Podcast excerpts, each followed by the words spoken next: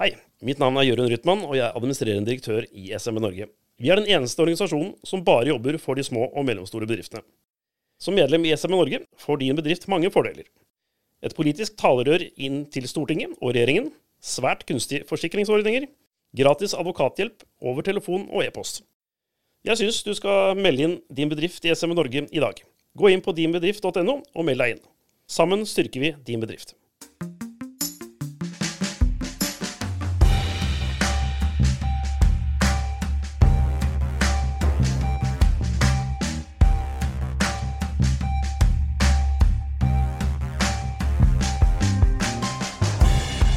Ja, hei og velkommen til en ny episode i SMB Norge-podkasten. Og her er det god, god julestemning i SMB Norge-studioet. Fordi ikke sitter vi helt alene her, Kristian. Nei, i dag er jeg tilbake i studio også, etter å ha vært på reise. Du fant frem? det var det så vidt. Men vi har med oss en spesiell gjest i dag, en som vi ofte hører på reklame. Ja. Kanskje vi slipper å ha så mange reklamer for han i dag, da, men vi må ha noe inn da. Jørund Henning Rytman, julenissen for i dag. Ja, ja. Ja. God jul. God Til og juleslips for anledningen, som du ser. Men det ser jo ikke lytterne. Du går el- inn. Vi får ta en selfie etterpå. Så. Ja. Det må vi sørge for at lytterne får med seg. Det var ganske fint juleslips, egentlig.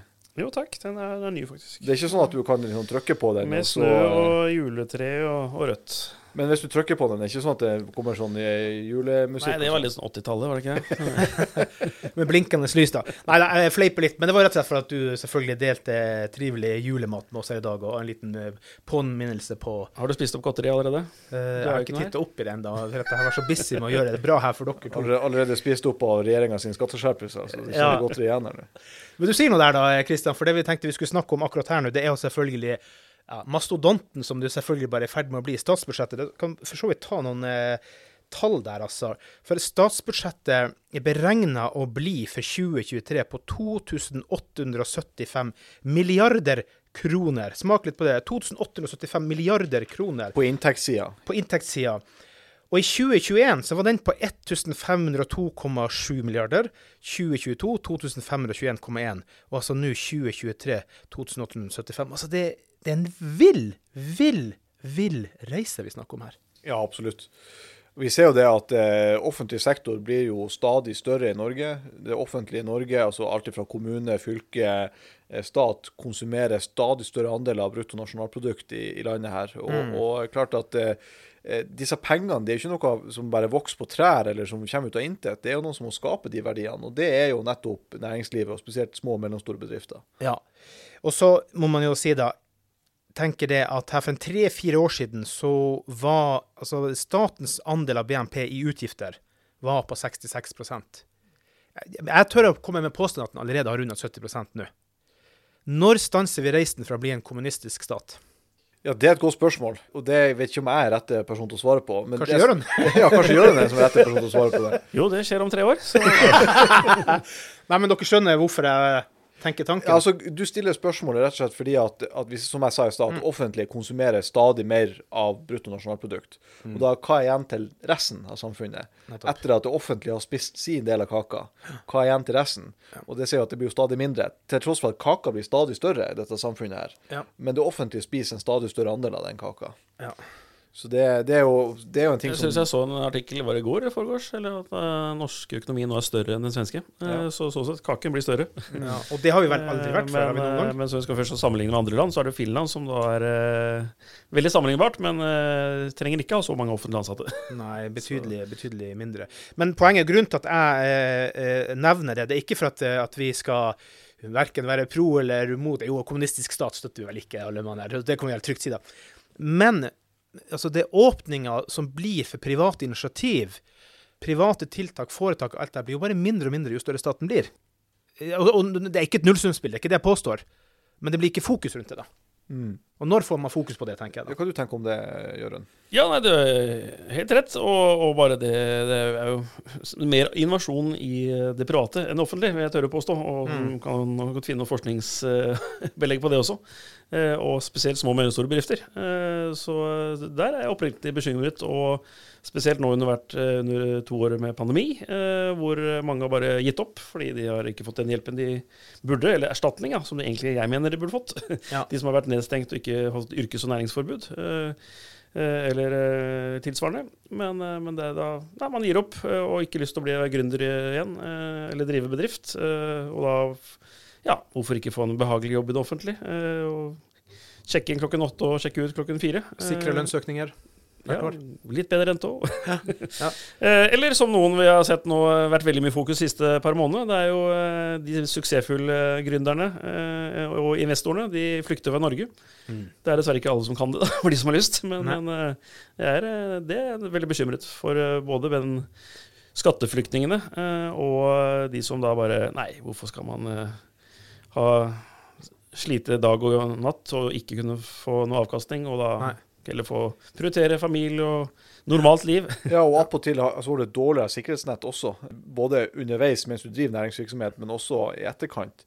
Vi har mange eksempler på offentlig ansatte eh, som eh, pensjonerer seg, og så oppretter de seg enkeltpersonforetak eller aksjeselskap. Det syns jo vi i og for seg er bra, men så leier de ut tjenestene sine tilbake til det offentlige etter de har gått ut eller gått av med pensjon. Så de får både full pensjon og full lønn på toppen. Og det er jo eh, veldig mange andre som ikke har den muligheten. F.eks. hvis du har jobba hele yrkeskarrieren din i privat næringsliv. Da har du ikke de samme mulighetene som når du har full offentlig pensjon og kan tjene full lønn eh, i privat næringsliv på toppen av det. Jeg hadde tenkt å komme inn på det senere, men vi kan ta det siden dere er inne på det. da, bare for å spørre dere som har dissekrert eh, statsbudsjettet, håper jeg. Eh, For den mastodonten har ikke jeg bladd inn i. Gjøren er jo godt vant med det fra før som eh, gammel stortingsrepresentant, men flukten, og det er jo Sveits vi snakker om der, milliardærer til Sveits, og det har fortsatt gjennom hele høsten fra det begynte. Og det var vel den 40. milliardæren som flytta nå i desember, så vidt jeg så bare for et par dager siden. Det, finnes det noen spor i statsbudsjettet av tiltak til å prøve å unngå det her? Flukten, altså. Eh, ja, det er vel det motsatte. Det er vel Ja, det er jo det egentlig det. ja, Ja. Uh, ja, selvfølgelig. Så det, og det er vel signalene at det kommer ikke til å stoppe heller. Altså, det, så det er eh, ja, oppriktig bekymret der. Eh, Men nå kanskje noen politikere begynner å tenke seg om nå, da, nå som de ser at oi, det får jo konsekvenser. Mm. Eh, og at nå fikk vi Skatteutvalget som kom med sin anbefaling. Og der peker de også bl.a. på det som vi har påpekt i alle år, formuesskatten, hvor skadelig den er. Spesielt for små og mellomstore bedrifter. Så jeg håper i hvert fall at den, eh, selv om jeg var mye og ikke var enig i den skatteutvalgets eh, anbefaling, men, men at den skaper debatt. Og, og det som vi også påpekte, at den eh, pekte på den formuesskatten, som er helt ulogisk. Og den eh, blitt mer symbolpolitikk eh, enn eh, det den har til hensikt. Ja. Og der er jo en av de, de tingene som eh, for Vi skal snakke litt om statsbudsjettet i denne ep- episoden her, og det er jo en av de tingene som eh, Det er vel egentlig bare det vi stort Ja, det er egentlig bare det vi skal snakke om. Det er bare statsbudsjettet, Ja. budsjettepisoden. Ja. Fordi at det, det er jo vedtatt nå av, av Stortinget, statsbudsjettet, eller så blir det vedtatt eh, Ja, det ble kanskje vedtatt i går. Eh, Ja, siste, siste siste dag i går, ja. Stemmer det, ja. Og der er det jo eh, Det var jo tidenes skatteskjerpelse for norsk næringsliv i det statsbudsjettet. Mm. Ja. Altså økt skatt på en del av de store lokomotivene i norsk økonomi, altså innenfor kraftsektoren, oppdretts- havbruksnæringa, men også for alle andre næringsdrivende så er, det, er skatteskruen uh, stramma virkelig til fra regjeringas side. Mm. Formuesskatten øker, utbytteskatten øker.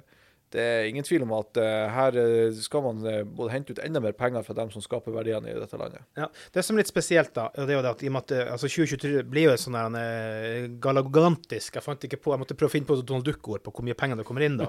Altså 2875 milliarder inn. Utgifter 1748 milliarder. Altså et overskudd på 1127 milliarder. Et overskudd! Smak på det. Et overskudd på 1127 milliarder. Og da tenker jeg og flere økonomer har snakka det må vel være mulig å bruke noe til det uten å, å, å skape inflasjon. da. F.eks. så eh, øker fattigdommen dramatisk i Norge nå pga. det som har skjedd i, ja, med strøm og inflasjon og alt.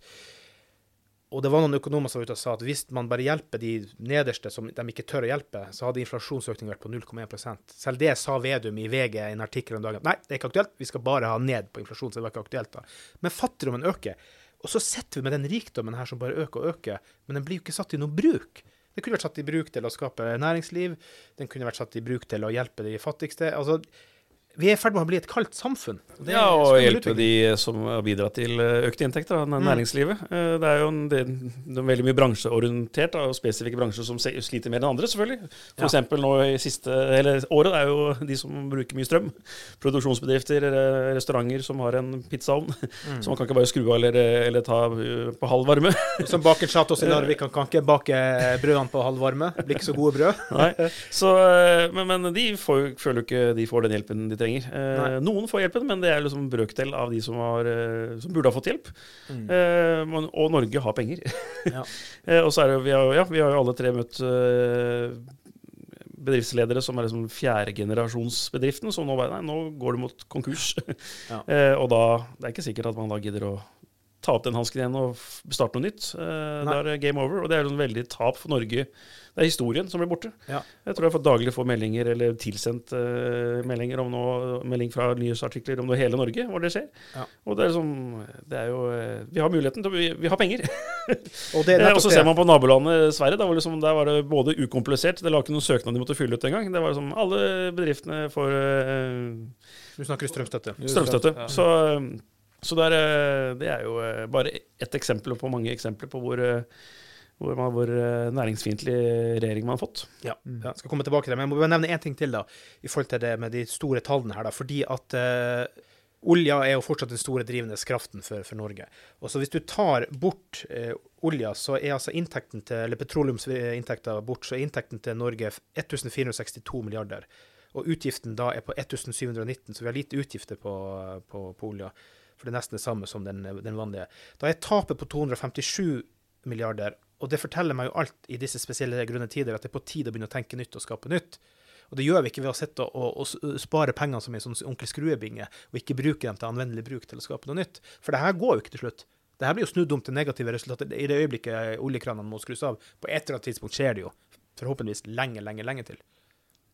Ja, nei, det, det blir jo nok en grad, gradvis utvikling, det. Og så er jeg selvfølgelig ikke 100 pessimistisk, selvfølgelig. Altså, De ingeniører som er i oljesektoren, de vil nok selvfølgelig da tenke litt Ja. eh, annerledes. eh, Og av mange de eh, underleverandørene til oljesektoren, altså våre medlemsbedrifter også, Mm.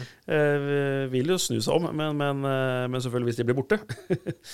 Av flere grunner. At de sitter igjen med underskudd.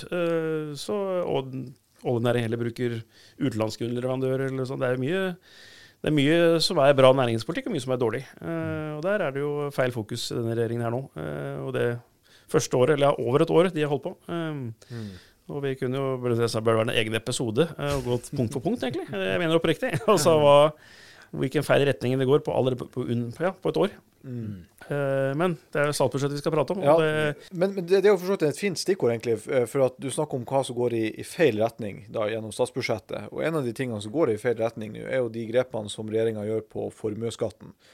Der fikk man jo, eh, Under den borgerlige regjeringa så ble det jo litt reduksjoner i formuesskatten, både på satsene, det ble innført en del verdsettelsesrabatter osv. Eh, og en av de tingene som man nå gjør da i statsbudsjettet, er at man øker eh, satsen du skal betale formuesskatt fra 0,95% til 1% på de minste formuene. Dvs. Si fra intervallet jeg tror det er 1,7 eller 1,8 millioner opp Ja. til 20 millioner. Det er de minste formuene. Og det er jo typisk der du har SMB-sektoren i Norge. Eh, og de, den formuen du har innenfor det intervallet, er jo ikke nødvendigvis penger du har sydd inn i madrassen, eller som du har sylta ned på en konto. Det er jo verdien kanskje av selskapet du eier, av driftsmidlene som dette selskapet har, av eh, bygninger som du har næringsvirksomhet i, osv. Det er ikke penger som du kan bruke på, på en yacht eller på en luksusferie. Det er penger som er bundet opp i andre ting Ja. som skaper verdier. Men der altså, har man funnet ut at det er rett å øke formuesskatten for de minste formuene. Men, men, men eh, vi har jo et lite minisveits i Norge, Bø i Nordland, hvor eh, flere flytter. Fordi kommunene kan påvirke noe sjøl av det her, kan de ikke det? Er ikke det som er clouet? Ja, for at eh, Formuesskatten består av en kommunal del og en statlig del. Ja.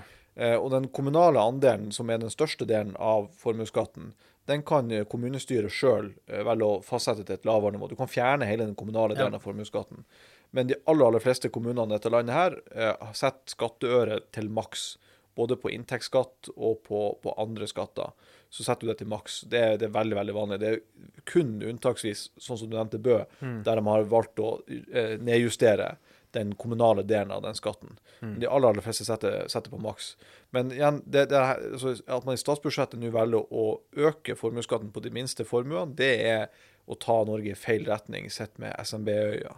Ja, for det er jo, det er jo der eh, investorpengene ligger. De som legger igjen penger i, i næringslivet og i det hele tatt. Og eh, Jørund, du nevnte det med strømstøtta. da. Og som du har vært ute og ropt varsko om flere ganger, eller i her i SMB Norge lenge før, også høsten 2021, hvis jeg ikke husker helt feil. Ja, år etter år. Yes, og, men det endte jo til slutt opp bare med 3200 bedrifter som, som søkte støtten. For den har jo vært kronglete og innvikla. Det fikk jo vi høre i, når vi var på, i Asker, på, på Scandic eh, der, om eh, konkursbølgearrangement der. Men det må vel være lagt inn ganske mye i statsbudsjettet på det her, da. Og da, Nå spør jeg dumt, jeg vet det, men bortsett fra revidert budsjett, hvilke muligheter har man å påvirke statsbudsjett underveis i året hvis man ser at, at man kan bruke de midlene på noe annet vis, da? Hvis du skjønner hva jeg vil? da. For det kommer ikke til å være så mange som søker til neste år heller, da. Nei, hvis ikke det blir haste, hastemøte på en egen sak i Stortinget. altså Regjeringen kan jo gjøre det, men, men eh, det ser jo veldig mørkt ut på akkurat strømstøtteordningen. Ja. Og, og, og søknadsperioden var vel bare to uker. Eller det var jo veldig kort Yes. mulighet for å, bedriften å søke. Men jeg vil jo tro at de har lagt noe inn i budsjettet på det her for det. Ja, i år, ja. Ja. Eh, tre, 2023. mener tre milliarder var ja, altså 2022. Så, Ingen, ingenting til næringslivet i 2023 Nei. strøm. Det er kun husholdninger. Der var Statsministeren var vel ute i går og sa at eh, Altså i går, dvs. Si 21.12., Ja. eh, og sa at eh, man skulle bruke like mye på strømstøtte i 2023 som man brukte på grunnskole. Eh, sånn totalt sett, ikke sant. Og Ja, han skrøyt vel litt av det. Ja, liksom, Ja. Det er snakk om en plass mellom 30 og 40 milliarder som går med på den strømstøtta som gis til husholdninger, frivillige lag, organisasjoner, idrett, eh, landbruk osv. osv. Alt unntatt av næringsliv. ikke Ja. sant? Men jeg vil litt tilbake igjen til dette Mm. med statsbudsjettet og de, de endringene som, Mm. som nå blir eh, et faktum fra 1. 1. januar. For det er jo flere ting på, på, på skattesida som vil være negativt sett med, med SMB-øya. da. Det ene er jo også dette her med, med utbytteskatten, som nå også eh, blir økt ytterligere. Og, og Jørgen, der har jo, Det er en ting som vi har jobba med i lang tid i SMB Norge med utbytteskatten. og Hva er det som er på en måte, hovedproblemet med utbytteskatten sett med SMB-øyene? Det er vel at den er høy.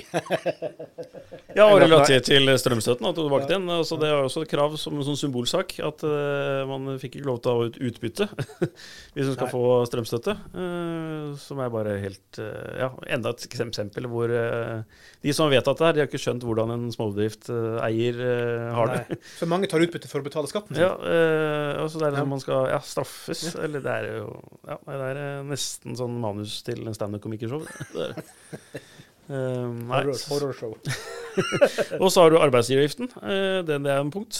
Eh, 5 eh, hvis man tjener mer enn 750 000, var det? Ja, og Der prøvde seg på en liten spansk en. For var, først ble det lansert som om det var inntekt. Men det viser seg alt du har i tillegg. altså eh, Si at du har eh, lånt en hytte eller ditt eller da, whatever. Alt du har av ekstra. Pensjonssparing. Alt skulle legges inn der da. Så det er ikke reelt 750. Du må ned på 600-tallet eh, i vanlig inntekt før du allerede runder den og betaler 5% ekstra. Og det er ganske normal inntekt i Norge, det, altså. Ja, og spesielt en næring som både Stortinget og regjering sier man skal satse på. IT-næringen vil jo ram, eh, rammes jo dette her. Altså, Ja. Da sier man egentlig eh, at da dere bør bruke underleverandører fra andre land. Eh, og er det noen som er veldig lett på å flytte seg på seg, så er det jo IT-folk òg. Så er det noen som kan flykte fra Norge, så er det jo enda en lissepasning til de. Så Ja. det er Det har vært mye styr rundt det. Det er snakk om det, jeg leste meg opp før vi gikk i gang. Det er 47 milliarder i økt skatt på næringslivet. 47 milliarder i økt skatt. Og SV var jo ute og sa at det er ikke nok. Det var de tidlig, det er ikke nok da. Eh, 33 milliarder der er jo da på denne gru havbruk, vind og vannkraft, som har vært veldig mye styr å, prate om. Den arbeidsgiveravgiften du snakker om er 7,7 milliarder, og formuesskatten er økningen der 2,4 milliarder. Pluss, pluss, pluss. Så det, mm, det som overrasker meg med, med en sånn type økning, det er jo at regjeringa sitter nesten da i en boble og tenker at ja, men AS Norge går bra, og det gjør det jo. På makrotall makronivå så ser vi jo de tallene er helt spinnville, men næringslivet går jo ikke bra for. Så man sitter i en boble og ikke forstår at det her kommer til å kanskje rasere mer av næringslivet, mer enn kanskje strømmen har gjort, og i det hele tatt i tillegg. Og eh, hva sitter vi igjen med? Småstøv og smuler i, i bedriftsmarkedet til slutt. Ja, nei, det er mange Ja, mye, mye å ta tak i. eh, Og som jeg nevnte før vi starta her, vi kan nevne det på sida vår eh, som ikke er del av statsbudsjettet, men at man nå, nå eh, er også ute av læreplanen med entreprenørskap eh, for de som går på videregående skole. Ja. Eh, Det er også et signal, sterkt signal til eh, alle lærere og elevene at eh, nei, det skal være mindre fokus på det å starte og drive egen bedrift. Så, så da stykkevis delt alt Stortinget storting og regjering gjør, så er det jo eh, veldig, ja, Hva skal man eh, leve av etter oljen, eh, og hvor, hvor, eh, hvorfor skal man starte egen bedrift? Mm. Skal, er det ønskelig at alle skal jobbe i det offentlige? Det, mm, men samtidig så bruker man jo x antall milliarder på Innovasjon Norge. Men, men man gjør seg opp noen refleksjoner. Ja, hva skal de, de gjøre? Skal man bli enda mer søknadssamfunn? Det er jo veldig mye Sitte foran PC-en i flere dager, og så vet man ikke får støtte. Eh, Og jeg har pratet med flere av våre medlemmer som sier at ja, men de vil ikke sette seg ned. De vil heller faktisk bruke tid mot investor, eller faktisk tjene pengene. Mm. Så, og ja, har jeg mista tall på mange som jobber i Innovasjon Norge. Ja. Og mange som gjør en bra jobb, men det er liksom Ja, ja. utviklingen. eh, Og hver, hver gang man skal løse et problem, så sier jo regjeringen ja, men da, da la Invasjon Norge ta dette oppdraget her. Eh, Og for å tale litt om våre syke mor, da, eh, og som faktisk er om statsbudsjettet. eh, De bruker jo mange milliarder på Innovasjon Norge for å skape ny eh, industri eller bedrifter Ja. og innovasjon. Eh, og vi fikk jo for eh, halvannet år siden, i revidert nasjonalbudsjett, så fikk jo vi sammen med Stiftelsen Rettferd 3,5 millioner kroner til å etablere en eh, gratis eh, lavterskeltilbud, eh, rådgivningstjeneste for eh, konkurstruede bedrifter og gründere. Det var jo ja, halvannet år siden. Så vi fikk jo rigget opp eh, etter marsjordre fra Stortinget. Og så gikk det vel da et halvt år, eh, så måtte vi legge ned igjen. Det er jo politikk. Eh, så vi hadde jo forhåpning ok, nå er det jo enda mer mange store og små og mellomstore bedrifter som sliter. Ja. Og vi ser alle tallene som vi tror er den kommende konkursbølge. Det er drastisk oppgang. Men det var jo bare Høyre som, som la igjen fem millioner kroner faktisk i 2023. Så all ære til Høyre som både la, eh, som foreslo det, eh, men også skrev noen hyggelige setninger. Jeg vet ikke om vi skal til det lese opp, da, men, men de, de skrøt jo av eh, prosjektet vårt, som Ja. er jo helt sant. Vi, jo- vi reddet mange bedrifter fra konkurs, og enkeltindivider, gründere som gjerne har kanskje pantsatt hus fordi de har tro på bedriften sin. Og ja, vi, vi, vi har jo ikke selvfølgelig gitt opp håpet, så kanskje det er jo et revidert, men, men det er jo kjempesignal fra, fra, fra regjeringen og stortingsflertall eh, at eh, man vil heller bruke mange milliarder eh, på Innovasjon Norge til å skape bedrifter, men må ikke bruke en krone på å redde dem. Nei. Litt Innovasjon spissformulert, da. Innovasjon Norge. Håper jeg ikke noen av mine venner i Innovasjon Norge blir nei, nei, nei, de tåler det. Men Innovasjon Norge, er det åpenhet rundt antall søknader Innovasjon Norge får, og hvor mye som blir innvilga? Er sånt åpent? Får man vite for, Som du sier, at mange ikke orker det engang, for kanskje de ikke får det eh, støtta uansett. Eh, ja, nei, det er et godt spørsmål. Eller det har vært noen uh, evalueringer. Uh, men nå er det lenge siden jeg leste den. Men om det er uh, og hva sier de som har fått penger Ja, hvor, hvor hvor enkelt det er for meg der å søke opp, det har jeg ikke, er jeg litt Nei. usikker om du vet ikke, Kristian? Nei, det vet jeg ikke, men det vil jeg anta at ligger i årsrapportene også til Innovasjon Norge. Jeg antar at de lager en sånn. Jeg har bare en hunch på at det er vanskelig å få. Det er derfor jeg bare spør om liksom at det, du gjør mye jobb, og så får du ikke likevel. Og så jeg, jeg, opplever, jeg opplever ikke Innovasjon Norge som en sånn veldig lett på tå, eh, bevegelig eh, be, altså, organisasjon som kjapt kaster seg rundt og setter i gang eh, Det var, hvor, se, nå, nå var det bare, et par dager siden hvor da faktisk regjeringen eh, lanserte en én vei inn. Ja. Eh, At man kun skal ha én person å henvende seg til, eh, for å rydde litt opp i den eh, søknadsjungelen. Da. Det var jo for så vidt et arbeid som eh, tidligere næringsminister Torbjørn Røe Isaksen tok tak i. Eh, Nå begynner det kanskje å bli tre år siden. Ja, vel. Hvor han pres- presenterte ja, av, eh, I virkemiddelapparatet så var det vel han telt opp 120 støtteordninger da, som han da ville Ja. få ned, og i hvert fall gjøre det enklere for den som kommer, henvender seg til Innovasjon Norge. Så det er jo for så vidt lys i tunnelen der, da. Men, men mitt poeng er fortsatt det samme. At det er jo ESE ut er et stort uh, statsan, statsansatte som da skal sitte og vurdere søknader. Ja. Istedenfor kanskje, som jeg mener, at kanskje man kunne heller uh, redusert skatten og avgiftene. Jeg skal bare nevne kort eh, Kristian, Næringsminister Vestre, som har vært veldig flink å møte opp hos oss, han har jo gang på gang i arrangement hos oss i SB Norge nevnt disse 11 milliardene som skal gå til forenkling på nettopp sånne type ting. da. Så får vi se hvor langt de kommer i den jobben. Det, det er ikke godt å si. Absolutt. Men jeg tenker at det her er også en, en fin anledning til å ta en pause for å høre enda mer på Jørund Rytman. Hei, mitt navn er Jørund Rytman, og jeg er administrerende direktør i SMB Norge. Vi er den eneste organisasjonen som bare jobber for de små og mellomstore bedriftene. Som medlem i SMB Norge får din bedrift mange fordeler. Et politisk talerør inn til Stortinget og regjeringen, svært kunstige forsikringsordninger, gratis advokathjelp over telefon og e-post. Jeg syns du skal melde inn din bedrift i SMB Norge i dag. Gå inn på dinbedrift.no og meld deg inn. Sammen styrker vi din bedrift. Ja, var det ikke godt å høre seg sjøl i ørene der, eh, Jørund? Herlig. Nå får vi strømmer medlemmene på, tror jeg. Men eh, Klaus, det jo, nå har vi snakka mye om eh, en del av de tingene i statsbudsjettet som kanskje går litt i feil retning, men det er også Ja. noen ting som er positivt i statsbudsjettet, og det syns jeg er verdt å trekke frem for, for næringslivet. og det er jo... Endelig noen som er positiv her. Nei, blant annet så er det jo faktisk også noe innenfor formuesskatten som regjeringa gjør bra, eh, og som Ok. blir vedtatt av Stortinget. Og det er jo at man, man foreslår å redusere verdsettelsen av driftsmidler i formuesskatten. Den, der har verdsettelsen vært satt til 75% hittil. Eh, Det er det som er skattegrunnlaget du må betale formuesskatt av.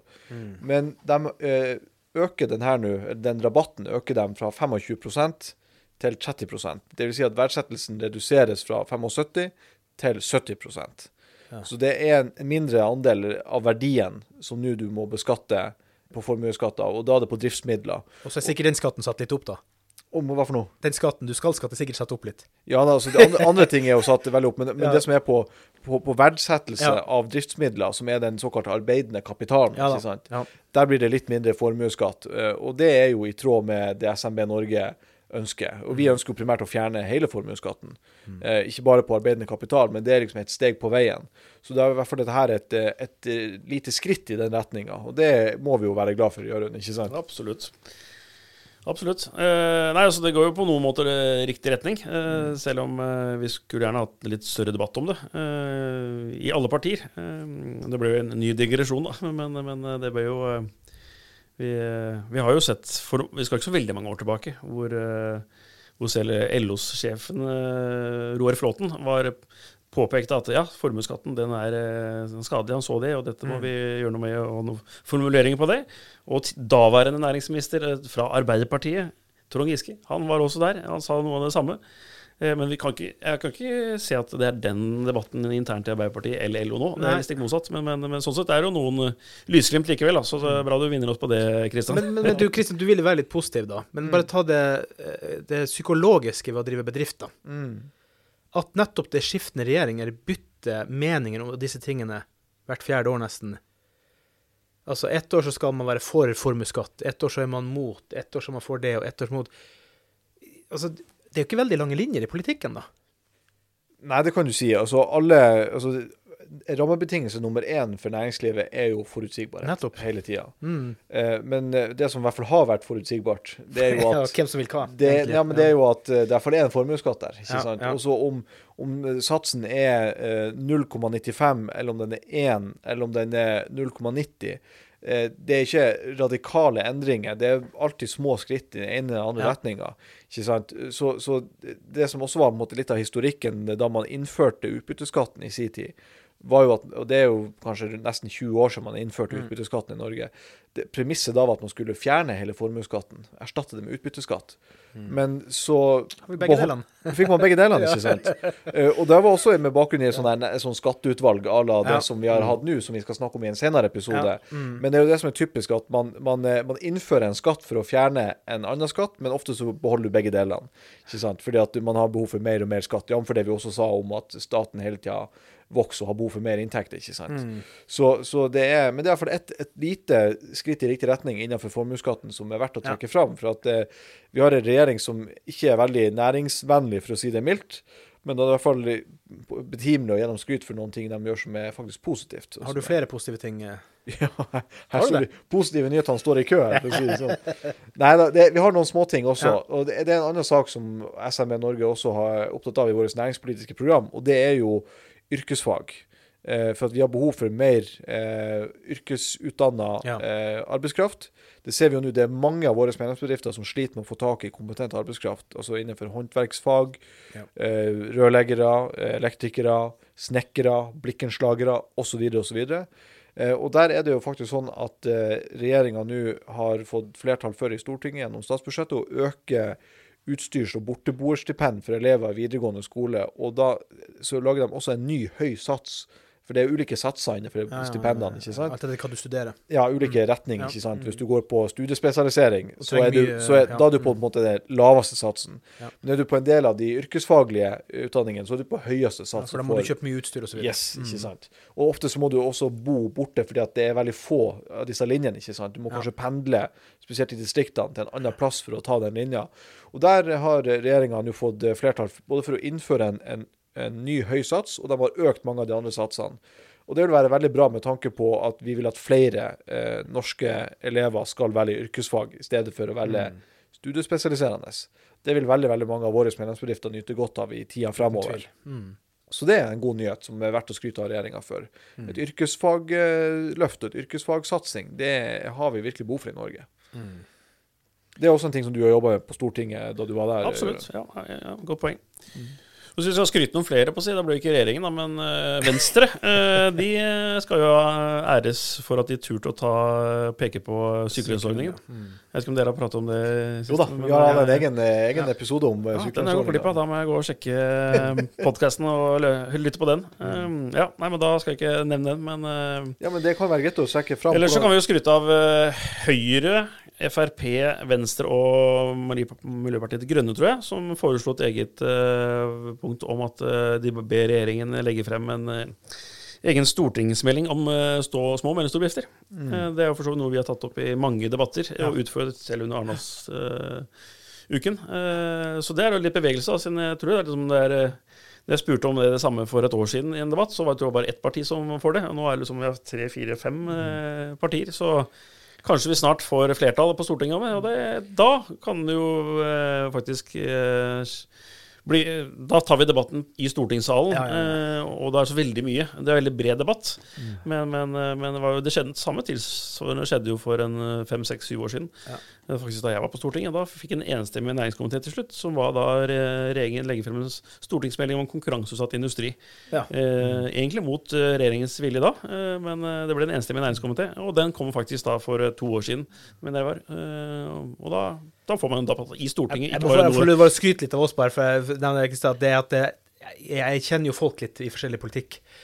Og jeg tror ikke det er sånn at man ikke kan la være å skryte av SMB Norge for at flere har tatt den tråden. For det er mange som sier at SMB Norge er god på aktivitet mot politikerne. Det, Så man har blitt lytta på. er veldig, det er fantastiske flinke SMB Norge. ja, det Selvskryt skal man lytte til, for det kommer fra hjertet. ikke Ja, det er beste Men jeg bare tenkte Klaus, jeg skulle nevne at eh, i og med at uh, Jørund uh, tok opp dette med sykelønnsdebatten, og at Venstre hadde tatt det opp i Stortinget, så det, hadde vi en egen episode om det. Og tenkte hvis det er noen som ikke har hørt den episoden, så er det episode nummer 15. Mm. Eh, den ligger ute på alle plasser der du kan eh, høre podkast. Det, det er Acast, og det er Apple Podkast. Og Spotify er egentlig litt overalt, da. Men, men apropos, hva er vi? Kristian, vi er jo den nye Vi er jo den nye femstjernersbevegelsen. Ja. Og hva er det vi mener med det? Klaus? Det er bare lov å gi femstjerner til oss på Spotify, Ja. og så er det bare lov å gi femstjerner på Apple Podcast. Men i tillegg på Apple Podcast kan du skrive en veldig flott, fin omtale av Jørund og gjengens store innsats på podkastplattformenes verden. Så det, det hadde satt stor pris på. Og ikke minst, ta og varsle dine venner og bekjente og skriv om eh, ja, Vi hadde satt stor pris på om dere ga litt eh, blest til Ja. oss. Trykk fem stjerner, skriv en kommentar, eller eventuelt send oss en eh, e-post med innspill. Hva du sender Ja. den e-posten til da, Klaus? Podkast at SMB Norge, og vi er internasjonal moderne podkast med C.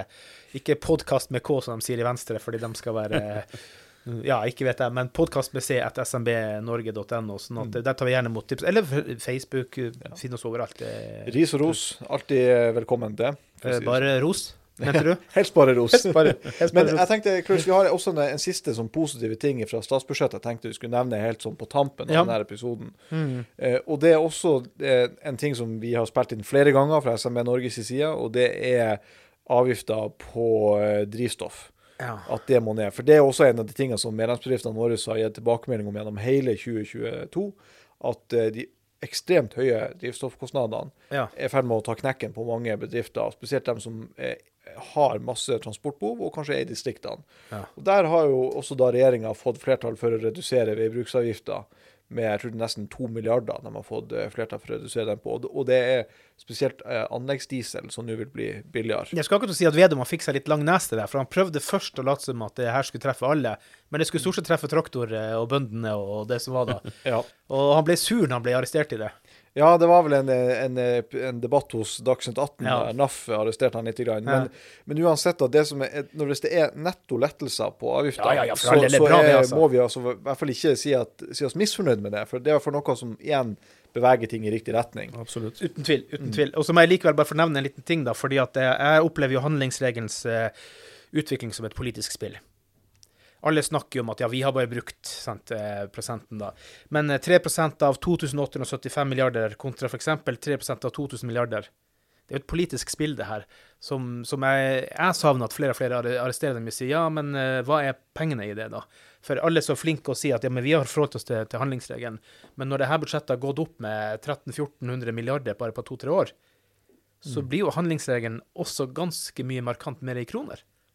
Ja da, absolutt. Det, det, men det viktigste for vår del er jo at uh, man bruker midlene på en sånn måte at eh, det gjør det lettere å drive bedrift i dette landet her, og at, eh, at vi skyter fart på verdiskapinga i dette samfunnet. Så det viktige er jo ikke nødvendigvis hvor mye penger man bruker, men hvordan pengene brukes.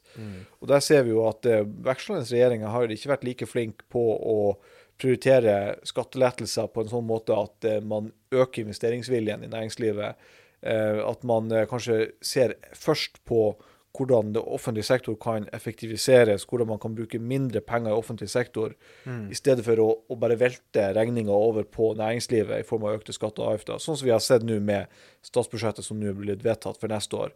Da veltes jo regninga over på næringslivet, i stedet for at man går gjennom kritisk. Hva er det offentlig sektor holder på med? Skal vi holde på med like mye i fremtida? Og foretar noen, kanskje noen nødvendige kutt, i stedet for hele tida å sende regninga videre. Det er jo ikke sånn at, at norske bedrifter, små og mellomstore bedrifter, er en sånn Sereptas eh, Nei, hvordan, hvordan- uttales det? Sereptas krukke. Yes, helt rett. Ikke sant?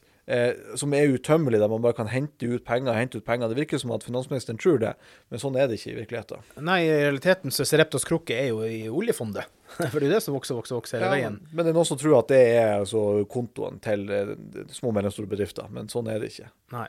Men jeg, jeg, jeg er alvorlig bekymra for eh, 2023, det er det jo ingen tvil om, med konkursene som har rast og økt. Og statsbudsjettet markerer jo ikke at regjeringa har tatt det inn over seg og tilpasse det, Jørund. Nei, og, og sånn sett har jo eh, både statsministeren og, og næringsministeren rett i at ja, konkurser så må jo også skje. Eh, men, men selvfølgelig ikke når det er en utgangspunkt av levedyktig bedrift. Eh, det er ene. Og, og, når det faktisk er regjeringen eller myndighetene sin skyld til at den går konkurs. Og så er det tredje at som jeg nevnte litt innledningsvis, at OK, man går konkurs, men man kan starte på nytt òg, eh, men denne lysten tror jeg blir borte. Eh, og kompetanseflukten, eh, spesielt de våre nye landsmenn som kanskje har jobbet her i mange år. Nei, kanskje de drar tilbake til hjemlandet sitt og aldri kommer tilbake. Ja. En bransjeorganisasjon som er medlem hos oss, Norsk Restaurantforening, de har jo merket at mange av kokkene har blitt, blitt borte. Eh, sånne sentrale nøkkelansatte. Eh, og ja, servitører òg, for så vidt. Eh, mange har kanskje merket at service noen steder har blitt litt dårligere. fordi ja, nei, det er, det er manko på utdanna servitører og, og, kokker. Bare som ett eksempel, da. Men, men det er jo innen mange sektorer hvor vi er jo akutt mangel på blikkenslager i Norge nå. Liksom. Det, er, jo masse mange håndverk vi sliter med, vi, vi, som nå blir borte.